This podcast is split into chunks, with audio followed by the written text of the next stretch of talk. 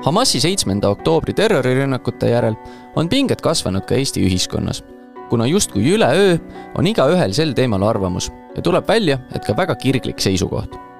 oktoobri lõpus avaldas grupp ühiskonnategelasi, peamiselt humanitaarteadlasi ja kunstnikke, avaliku pöördumise, milles nõuti valitsuselt Gaza tsiviilelanike inimõiguste eest seismist.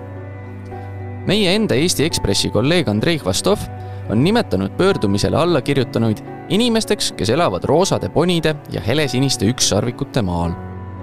nüüd on ta ka ise avaldanud sel teemal enda avaliku kirja. mina olen Kaur Maran ja tänases Eesti Ekspressi podcastis olengi Andrei stuudiosse kutsunud, et arutada, kuidas me ühiskonnana siiani jõudnud oleme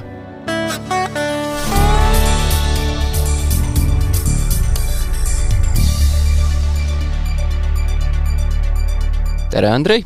tere! see nädal siin kirjutasid ühe sellise avaliku kirja, mis oli siis, ma saan aru, suunatud meie kuidas öelda, vasakpoolsete intellektuaalide kirjale, eh, mis on avalikkuses palju laineid löönud. et saad äkki veidi rääkida, et millest see sul nii-öelda ajendatud oli või kuidas sa selleni üldse jõudsid? selle Gaza, Gaza sõja me paneme tahes-tahtmata ütleme laiemalt maailmas toimuva konteksti ja ja alguses on ju Ukraina sõda, Ukraina-Venemaa sõda. Ja see liikumine, mis oli, oli ka siin mõned ajad tagasi läänes hästi märgatav, et et lõpetame Ukrainale relvade saatmise, sellepärast et me oleme rahu poolt, ja tollal ju tekkis ka küsimus, et see selline tingimusteta rahu, rahu soovimine, et see on tegelikult just täpselt see, mida on ka Venemaa alati tahtnud. et sõlmitakse mingisugune rahu, kusjuures ei võeta, ei panda Venemaale nagu mingisuguseid kohustusi, et see, mis tal on saavutatud seal Ukraina aladel, et ta jätab selle endale ja siis see konflikt kuidagi külmutatakse ja siis jumal teab, mis edasi saab. et noh, et on mingisugune mitmeaastane hingetõmbepaus, mille jooksul Venemaa ennast kogub ja siis lahendab selle Ukraina küsimuse nii-öelda lõplikult. et tollal oli see arusaamatu, et kas me oleme nüüd rahu poolt või oleme Putini poolt ja täpselt samamoodi puhkes ju selline noh, nagu või siis teistpidi nagu meele... sõja, sõja poolt või Ukraina poolt, on ju? jah, et selline noh, nagu, nagu kohati isegi kuidagi nagu, nagu noh, teineteist välistav selline, selline vaidlus. et ei, kui me oleme rahu poolt, siis me oleme rahu poolt ja, ja mis tähendab siin nagu olla, olla Putini poolt. et aga objektiivselt, objektiivselt see rahu nõudmine, see oli Moskvale kasulik. ja nüüd, kui juhtus see see tingimusteta rahu nõudmine nüüd, äh, nüüd Gaza sõjas, siis see oli ju täpselt samamoodi, et siin esi-, esitati, esitati, no kõik nõudmised olid esitatud Iisraelile, mida peab Iisrael tegema, ja ma nagu ei märganud, et seal oleks ühtegi nõudmist, kui me räägime nüüd konkreetselt sellest kirjast, sellest saja kolmekümne nelja kirjast, siis seal ei ole justkui mitte mingisuguseid tingimusi esitatud Hamasile, aga näiteks ka mitte Egiptusele et nõutakse küll, et et peab avama mingisugused noh, nagu humanitaarlahendus peab olema, et, et palestiinlast, palestiinlastele, kes on Gaza piirkonnas lõksus, et neile peab andma võimaluse sealt lahkuda humanitaarsetel kaalutlustel, aga no jäi üldse tähelepanuta see, et, et aga kuhu nad siis peavad lahkuma? sellepärast, et Egiptuse ja Gaza vaheline piir, need on naabrid. et see on täpselt samamoodi kindlustatud, seal on samasugune tara ees, ja egiptlased ei ava oma piiri, egiptlased, Egiptuse valitsus ei võta vastu Gaza põgenikke. et mind täitsa hämmastas see, et, et noh, et, et, et kirjas näiteks ei ole mingisuguseid selliseid nõudmisi, et et meie alla kirjutanud nõuame, et Egiptus avaks oma piiri ja võtaks vastu sajad tuhanded Palestiina põgenikud, ei. kõik nõudmised on suunatud Iisraelile, ka need nõudmised, mille täitmine üldiselt ei ole Iisraeli, Iisraeli võimuses. nagu näiteks? No seesama, et avame koridorid. sa ei saa avada koridori, mis algab Gazast ja lõpeb ei kusagile mm. -hmm. kui keegi naaber, naabruses olevatest Araabia riikidest ei ole nõus vastu võtma Gaza põgenikke. ja pole juba aastaid ja aastaid olnud, eks ole? Pole juba aastaid olnud just nimelt, et see ongi selle, noh, see probleem on hästi keeruline, aga ütleme niimoodi, et ümbritsevatel Araabia riikidel julmalt öeldes on, on Gazas elavate Palestiina araablaste kannatustest täiesti ükskõik. ja nad, nad, nad, nad ei tõtta neid enda juurde võtma oma vennaliku armuga neid katma, oma embusesse neid haarama, absoluutselt mitte. ja see küsimus nüüd, et miks nad seda ei taha teha, et, et noh, see on ka selline pikk lugu, aga kas on seda mõtet rääkida ei no võib-olla, võib-olla jah, kogu, kogu seda ajalugu lahti ei saa rääkida, aga selles suhtes ma olen ise ka mõelnud, et minu jaoks on äh, võib-olla kolm sellist nagu suurt konflikti, kus ma olen üritanud asjast aru saada ja mida enam sa loed ja üritad aru saada, seda nagu noh, natuke nagu nurjatud konfliktid, et et mida rohkem sa üritad aru saada, seda segasemaks ja keerulisemaks see asi aina läheb, eks ole.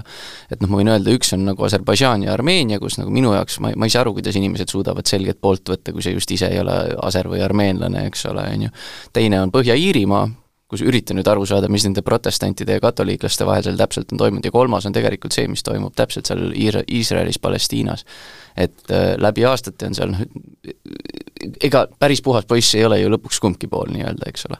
nojah, et ma olen sinuga täitsa nõus, need kolm, aga muidugi ka see, mis Lääne-Balkanil toimub, endise Jugoslaavia aladel no,, seal jah. samuti see Bosnia kodusõja ajal toimunu ja pärast seda, äh, ka on täiesti võimatu öelda, et kellel seal nüüd on õigus ja kellel on vähem õigus mm.. ja kuidas seal üldse pooli valida.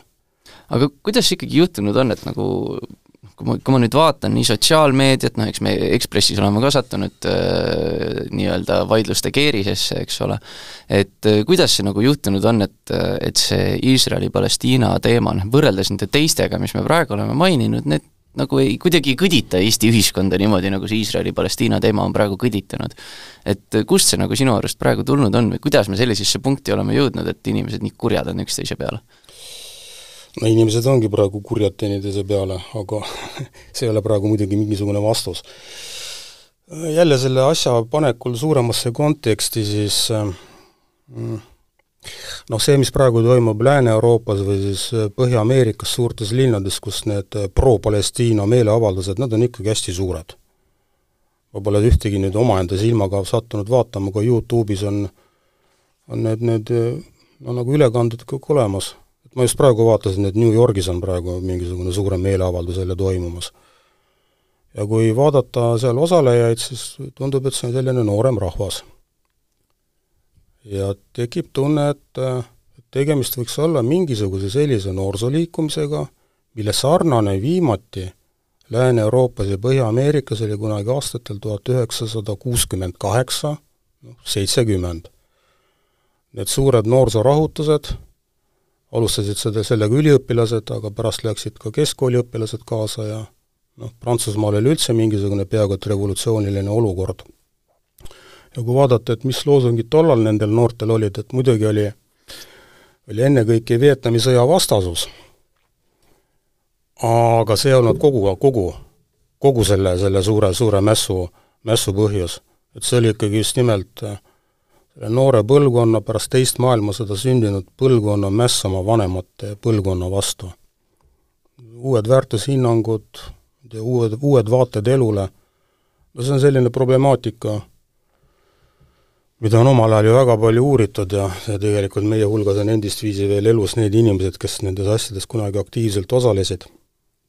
ja tundub nüüd, et see praegune pro-Palestiina liikumine, et see on midagi sarnast ma kahtlustan, et nendel inimestel on tegelikult sellest äh, Palestiina värgist, no ma ei saa öelda, et ükskõik, aga vaadates neid diskussioone, mis on noh, ülikoolides toimunud, et et ma tegelikult jagasingi sinuga ka ühte YouTube'i -hmm. linki, kus on näha Oxfordis, Oxfordis äh, toimunud selline, selline debatt ühe Ameerika parempoolse, parempoolse konservatiivse vaatleja ja, ja, ja nimetame siis Ben Shapiro, eks ole? Ben Shapiro ja siis noh, ta on nagu, et seal oli selline nagu suurmeistri male simultaan, et ta siis nagu võttis järjest teda oponeerivaid üliõpilasi ja nende üliõpilaste üldse küsimustest, et no nagu ma tajusin selgelt, et nad tegelikult ei ole nende asjadega üldsegi kursis, mis seal Lähis-Idas toimub.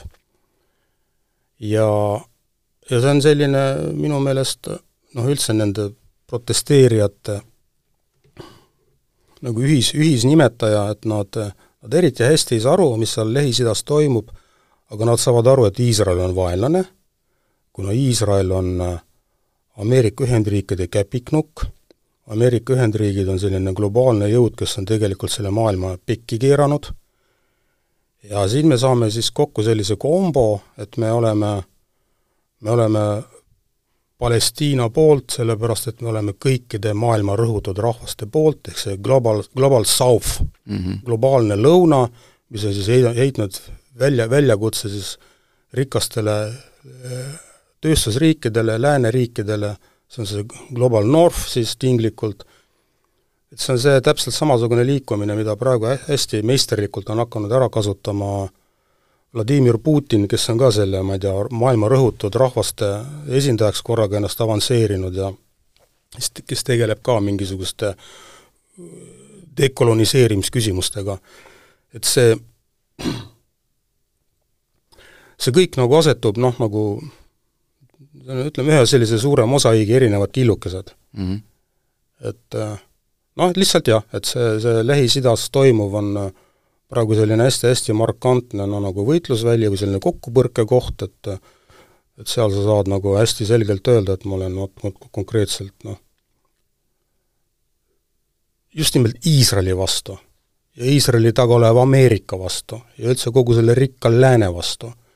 sellepärast, et äh, nad ei tohi globaalselt noh, kehtestada neid oma reegleid ja ekspluateerida teisi rõhutud rahvaid ja ühesõnaga, selles mõttes on palestiinlased on siis äh, sattunud nüüd esindama kõiki maailma rõhutud rahvaid. ja seejuures kuidagi kaob ära see, et tegelikult noh, ütleme, palestiinlasel ja palestiinlasel on ka vahe, eks ole, see, mis on noh, ütleme kõik see kohalik sisepoliitika, mis seal äh, Pal-, Palestiina sees toimub, eks ole, ja justkui kaob ära ka see, et Hamas noh, tegelikult siiski on Hamas, et see ei ole kuidas nüüd öelda, ei ole ka kõige, kõige, kõige õilsam ja vooruslikum vabadusliikumine, tegu on ikkagi päris jõhkra terroriorganisatsiooniga. siin on jaa, siin on üks väike paralleel jälle, et ma ei tea, erialainimesed, ajaloolased, nad ei, nad ei salli neid paralleele, aga kuidagi peab ju hakkama neid asju selgitama ja mingisuguse lähtepunkti võtma.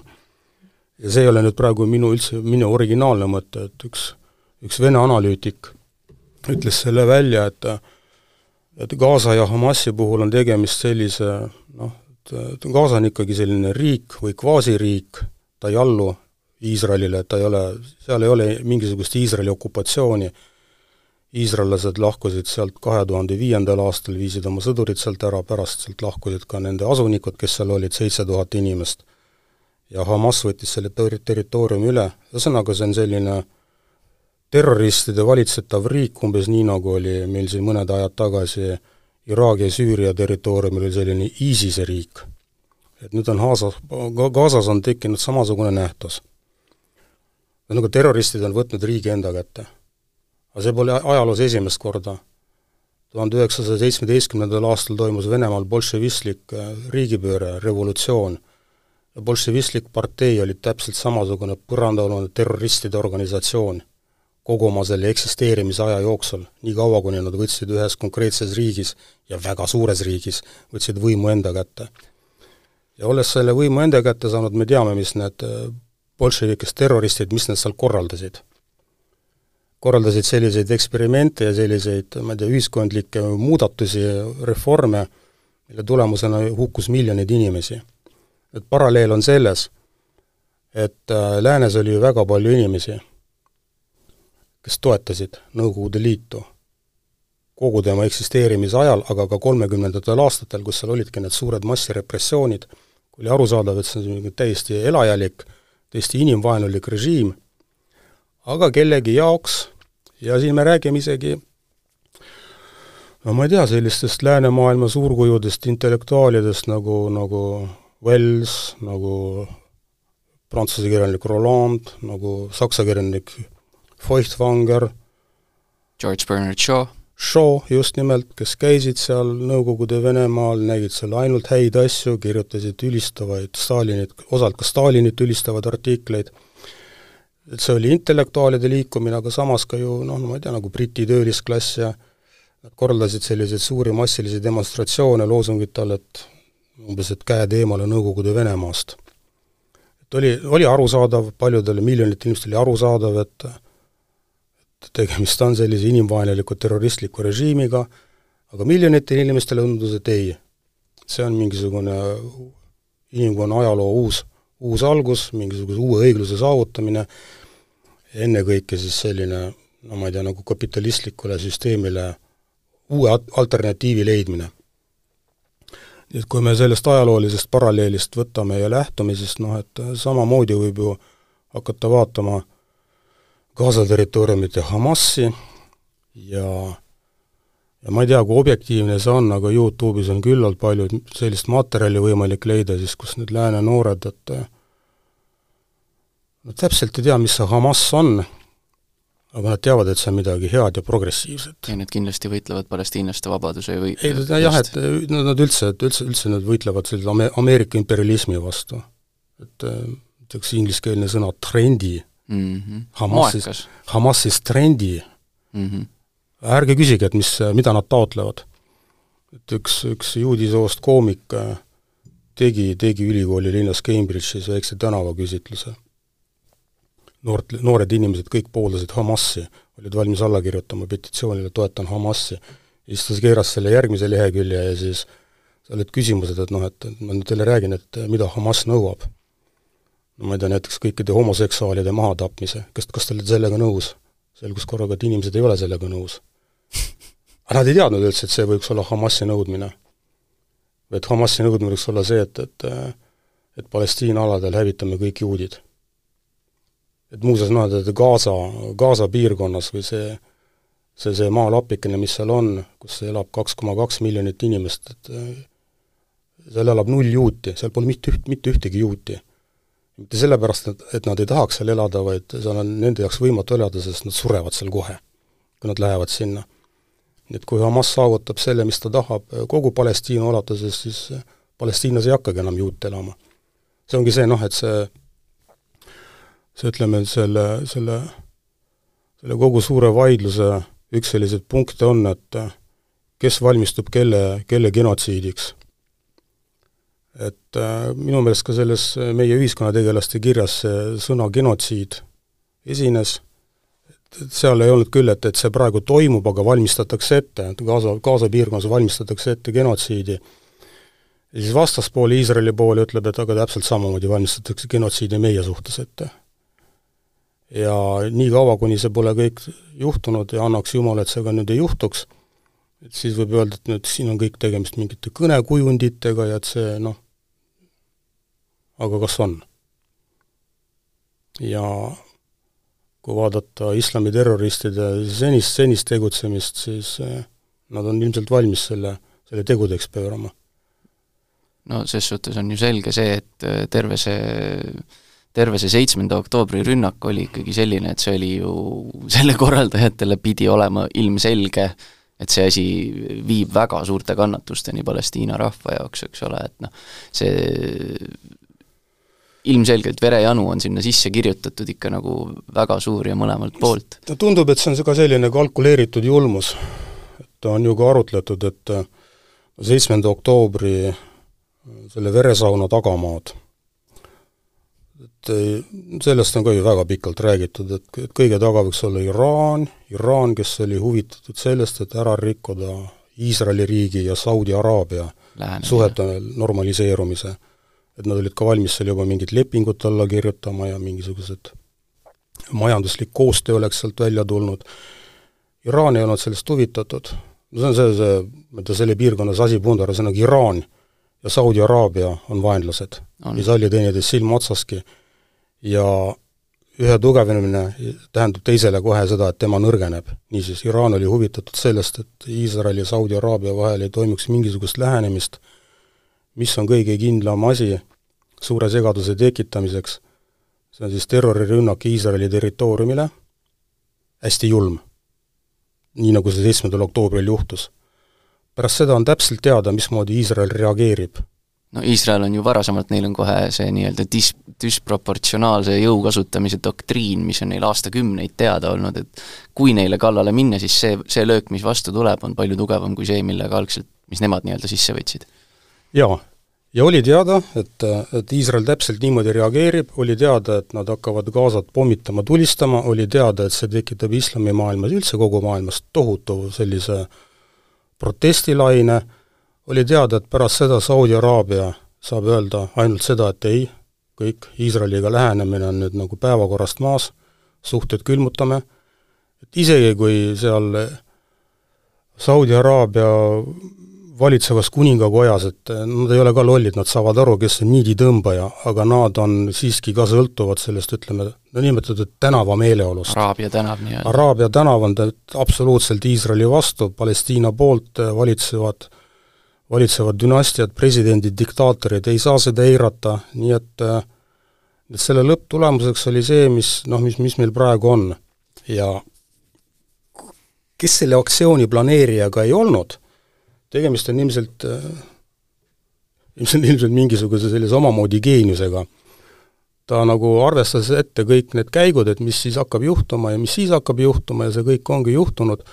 mul on praegu ainult üks suur küsimus, kas need, selle aktsiooni planeerijad, need geeniused, kas nad ka seda teadsid, et äh, Lääne-Euroopa ja Põhja-Ameerika linnades puhkevad need suured protestidemonstratsioonid, kus noored, just nimelt noored, tulevad välja pro-Palestiina loosungitega ja Iisraeli vastaste loosungitega, kas nad ka seda teadsid? et äh, väga peen mäng selles suhtes, kui see on sisse planeeritud. Äh, et noh, et see, see, mis ma enne seda rääkisin, et see on kõik nagu noh, kes on Lähis-Ida asjadega kuigivõrd üldse kursis, et see võis seda ette ennustada, et täpselt niimoodi lähebki. et noh, et terrorirünnak Iisraeli pihta, Iisrael annab hästi tugevalt vastu, Araabia tänav äh, hakkab, hakkab märatsema ja Araabia poliitikud on suutnud, sunnitud võtma Iisraeli suhtes hästi jäiga hoiaku, et see kõik oli ette, ette ennustatav. aga see, et lääne ülikoolides ja lääne suurlinnades puhkevad sellised suured meeleavaldused, mis isegi natuke jah, meenutavad, nagu ma ennist ütlesin, kuuekümne kaheksanda aasta meeleavaldusi, kas nad oskasid ka seda ette ennustada, et mina näiteks seda ei teadnud ja mul on tunne, et, et lääne analüütikud on ka natukene nõutud nagu, et, et, et, et mis nüüd, nüüd korraga juhtus, et miks on miks on meie noorsugu hakanud vot just niimoodi käituma.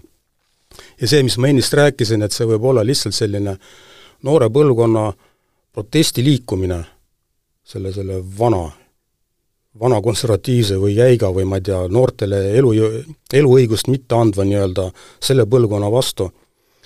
sest et kui me vaatame, ma isegi sellest kunagi paar aastat tagasi kirjutasin, et Lääne-Euroopa see statistika, töötuse statistika, et see oli täiesti õõvat-, õõvastav. kes seal just nimelt Hispaanias, Itaalias näiteks, et seal äh, teatud vanuses noored, et äh, nende, nende tööpuudus oli kas kusagil ulatus mingi viiekümne protsendini. et see, muuseas, et selle, sellega oli seotud noh, see tähelepanek, et äh, aina enam Euroopa noori, Lääne-Euroopa noori, nad elavad koos oma vanematega mm. -hmm kolmekümneaastane inimene ja elab ikka koos oma vanematega.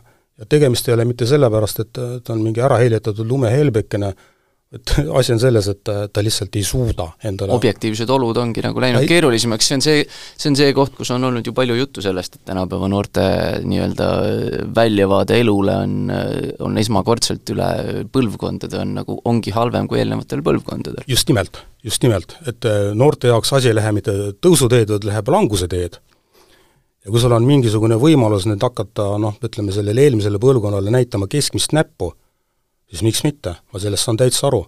ilmselt kui ma oleksin kolmekümneaastane prantslane või sakslane, siis noh, ma oleks ka sellele pro-Palestiina meeleavaldusele, kusjuures mul oleks Palestiinastest täiesti ükskõik, aga mind huvitab see, et ma saan, ma saan välja elada. oma riigi valitsusele ja oma vanemate põlvkonnale keskmist näppu näidata. et see on põhiline no kui ma siin praegu oleme rääkinud, siis sul on nagu äh, noh, kuidas öelda, jää, jääb mulje justkui, et oled, oled ka ikka noh, nii-öelda justkui, ma ei usu, et sa noh, selles suhtes poolt oled valinud, aga noh, kriitik võiks öelda, et näed, Fastov räägib siin Iisraeli-meelset juttu, eks ole. et korra siin Ekspressi siselistis ka, eks meil on käinud, on ju, palju vaidlusi ka kogu selle, sel teemal ja sa oled siselistis, ma nüüd tsiteerin, Äh, kui tohib siseristi, siselisti kirja, et ka sina oled olnud aastaid väga skeptiline Iisraeli riigi tegemiste suhtes äh, araablastele määratud aladel ja et see on, tegemist on ikkagi okupatsiooniga ehedal kujul. et, äh, et lihtsalt kuida-, huvi pärast, et kuidas sa nagu, kuidas sa ise seda nagu näed, kuidas sa need kaks asja praegu kokku paned? täitsa panen kokku et mul on siiski noh, tulenevalt vanusest, et minu vanuses inimesel peab olema juba mingi terviklik, terviklik maailmavaade Minu jaoks on ütleme, selle konflikti aja arvamise algus on seitsmes oktoober. muuseas, siin ongi, et see nii-öelda noh, tinglikult pro-Palestiina ja pro-Iisraeli leeride vaidlus käibki selle seitsmenda oktoobri tähenduse ümber pro-Palestiina inimesed, nad hakkavad kohe meelsasti rääkima, et kõigist nendest sündmustest, mis juhtusid enne seda, noh, alates neljakümne kaheksandast aastast, kui Iisraeli riik loodi, või siis alates Esimesest maailmasõjast, kus seal kellelegi anti lubadusi ja kellelegi teisele anti vast-, vast-, vastupidiseid lubadusi, et ma olen sellest ka kirjutanud ühes oma artiklis hiljutises. Mm, -hmm ühesõnaga, et kui kõiges on hakka... süüdi britid, oli seal? jaa, jah, et kõiges on süüdi britid, et kui me hakkame neid, ma ei tea, ajaloolisi mingisuguseid süva süvapuurimisi tegema, siis me jõuame lõpuks piibli aegadesse, Jeesuse aegadesse, lõpuks ka prohvet Moosese aegadesse, et jumal teab, kuhu me kõik välja jõuame. planeet Maa on neli koma viis miljardit aastat vana, et me võime hakata tektoonilisi, tektoonilisi tagapõhjasid otsima kogu asjale. just, just, just nimelt. et see on kuidagi nagu selline akadeemiliselt võib-olla huvitav, aga täiesti viljatu, viljatu tegevus. niisiis, võtame alguseks ikka, alguspunktiks seitsmenda oktoobri, et mis juhtus seitsmendal oktoobril? toimus siis terroristlik reid naaberriigi territooriumile, mille käigus äh, tapeti valimatult, ma rõhutan seda sõna valimatult, kõiki inimesi, kõiki tsiviliste, kes terroristidele ette jäid, alates imikutest, lõpetades vanuritega, mitte kellelegi halastatud, kõik tapeti maha. see on keskaegne meetod. see on meetod, mida omal ajal kasutati, kroonikatest võib sellest lugeda, kasutasid Džingis-Khani sõdalased, Tamerlani sõdalased, Eesti ajaloos need olid koerakoonlased ja peninukid, kes kunagi Liivi sõja ajal, Põhjasõja ajal tungisid Eesti küladesse rüstekäikude ajal ja tapsid kõiki julmalt ja halastamatult maha. keskaegne meetod. ja see on, see on niisugune meeletu tagasilangus barbaarsusesse. et midagi niisugust, et võib, võib juhtuda, et ma, ma poleks seda uskunud. aga see juhtus. ja Hamas, kes selle korda, selle, selle teo korda saatis, et et minu silmis on ta sellega noh, nagu muutunud, see on, see on selline elajalikkus, et selle kordasaatjad, nad, nad ei tohiks meie keskel viibida elavate hulgas, nad tuleks kohe ära saata Hadese riiki. tähendab, iga tsiviliseeritud ühiskond, iga tsiviliseeritud riik on kohustatud sellised, selle teo kordasaatjad üles leidma ja nad lihtsalt hävitama. Nad ei tohiks meie hulgas olla. ja see on see noh, nagu minu jaoks nagu, nagu, nagu selline moraalne lähtepunkt. et me, me ei tohi taluda sellist äh, tagasilangust barbaarsusesse. nüüd see vastaspoole, nii-öelda tinglikult vastaspoole argument on see, et Iisrael, kes on praegu tunginud Gazasse ja tulistab seal olevaid Hamasi objekte, ja nüüd tuleb see jälle taas sõna valimatult, mille vastu ma siis väga-väga-väga kõvasti kirjutasingi selles oma avalikus kirjas, Iisrael ei tee seda valimatult, ta teeb seda väga valikuliselt, lihtsalt Hamas on oma sõjalise infrastruktuur, infrastruktuuri niimoodi paigutanud, et seda rünnates on täiesti võimatu mitte rünnata ka noh, tsiviilobjekte, mis seal ümberringi asuvad. nii et nüüd hukkuvad tsivilistid ja hukkuvad ka paljud lapsed ja naised ja asjasse üldsegi mitte puutuvad inimesed ja nüüd noh, et et käibki see minu jaoks selline mingi natukene arusaamatu diskussioon, et kas see kõik ei ole võrreldav et Hamas tungis Iisraeli territooriumile ja ütleme, tappis seal nii ja nii palju lapsi ja nüüd Iisrael tulistab Gazat ja selle käigus on tapnud nii ja nii palju lapsi. et no nagu tulemus on ju sama, surnud lapsed. ja nüüd on äh, järgmine punkt, kuhu me peame jõudma, on see, et äh, mis ei puutu üldse ei politoloogiasse ega sotsioloogiasse, see on täpselt selline puhas psühholoogia küsimus, seda peab mingilt psühholoogilt küsima, et miks inimene hindab seda kuritegu, mille saadab korda omaenda kätega vahetus kontaktis ohvriga olev tüüp, kes näiteks võtab lapse jalgadest kinni ja virutab ta peaga vastu seina ja laps on pärast seda surnud. miks me peame seda suuremaks kuriteoks, jõledamaks teoks, kui see tegu, et lendur, sõjaväelendur, kes lendab mingisuguse objekti kohal, vajutab nupule vallandab pommi, pomm kukub maapinnale ja siis see lõhke, löök, lööklaine paiskab ühe lapse vastu seina ja lömastab ta. tulemus on üks, lömastatud laps. aga millegipärast see, kes selle tegi vahetult, omaenda kätega, tundub meile noh, jõhkram. mitte jõhkram, vaid see on lihtsalt, ta on monstrum mm. -hmm. teda ei tahagi inimeseks nimetada. aga see, kes seal lennukis istus, näiteks kui ta oli Ameerika või Briti piloot teise maailmasõja ajal Hamburgi või Dresdeni kohal, suurpommitamised, mille käigus hukkus kümneid tuhandeid inimesi, tuhandeid lapsi.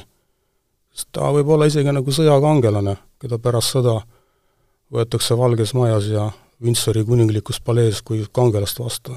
ja noh, et seal nagu et meie neid, neid inimesi, kes, neid sõjaväelasi, kes siis äh, tapavad nii-öelda distantsilt nupule vajutades mingisuguste tehniliste vahenditega, jaa, muidugi, muidugi on olemas selline ütlus, et äh, soldaten sind mörder, Kurt, Kurt Tucholsky, saksa kirjanik, vasakpoolne tegelane, sõdurid on mõrtsukad, jah, võib seda öelda, aga siiski, kui me hakkame need mõrtsukad mingisuguse skaala peale panema, siis see, kes omaenda kätega tapab lapse ära, on täielik monstrum.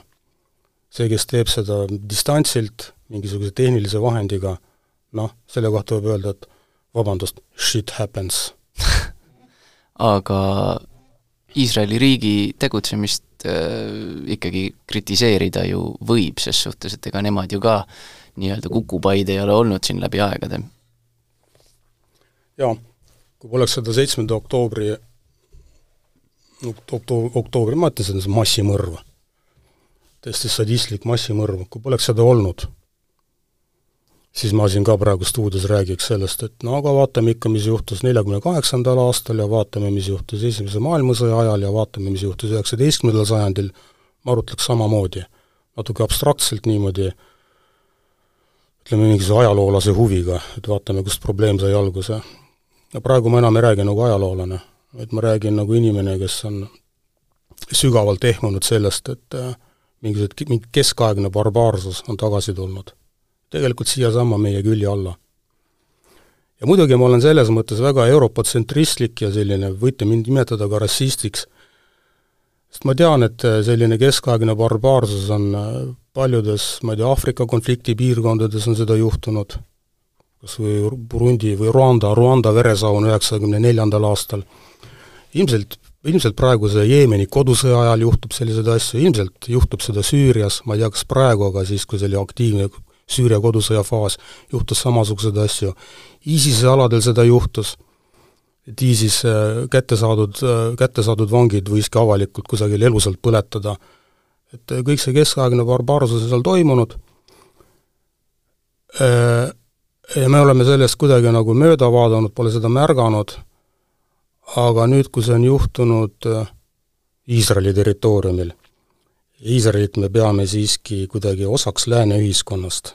ta on, üldiselt on, ta on ikkagi demokraatlik riik, ta on kõrgelt arenenud riik, ta on ta on äh, imeline riik selles mõttes, et et Iisraeli teaduslik potentsiaal, et see on, see on noh, et nagu asjatundjad mõnikord ütlevad, et see teadlaste, teadlaste suhe suhe elanikkonda, et see on Eestis on väga-väga kõrge. et Eesti on selles mõttes teadusriik, aga Iisraeli kohta on öeldud, et, see on, see on veelgi võimsam mm. -hmm. ühesõnaga, Iisrael kui mingisugune selline, selline Lähis-Ida, vabandust, kui see nüüd kõlab rassistlikult, aga kuidagi nagu tsivilisatsiooni oas. ja nüüd on seda, seda tsivilisatsiooni oasi on rünnatud keskaegsete meetoditega. et ma ei ole muidugi erapooletu, kuna ma ise tunnen, et ma olen ka selle lääne tsivilisatsiooni osa, tegelikult on mind rünnatud nende meetoditega, keskaegsete meetoditega. et kui algab see, algab seal see, sellega, et Gazast rünnatakse Iisraelit selliste, selliste võtetega, siis ei ole kaugel enam see, kui mingisugune dessant toimub näiteks Sitsiilia rannikule ja Sitsiilia rannikul tapetakse, tapetakse mõned Itaalia külad maha või, või Iberia rannikul. et see protsess on nagu alanud. see on see, mis tekitab minus õudust noh, eks ta ole, äh, õudsed teemad õudsed ajad, aga mina sind praegu tänan Eesti Ekspressi podcasti poolt ja eks järgmine nädal räägime jälle uutel teemadel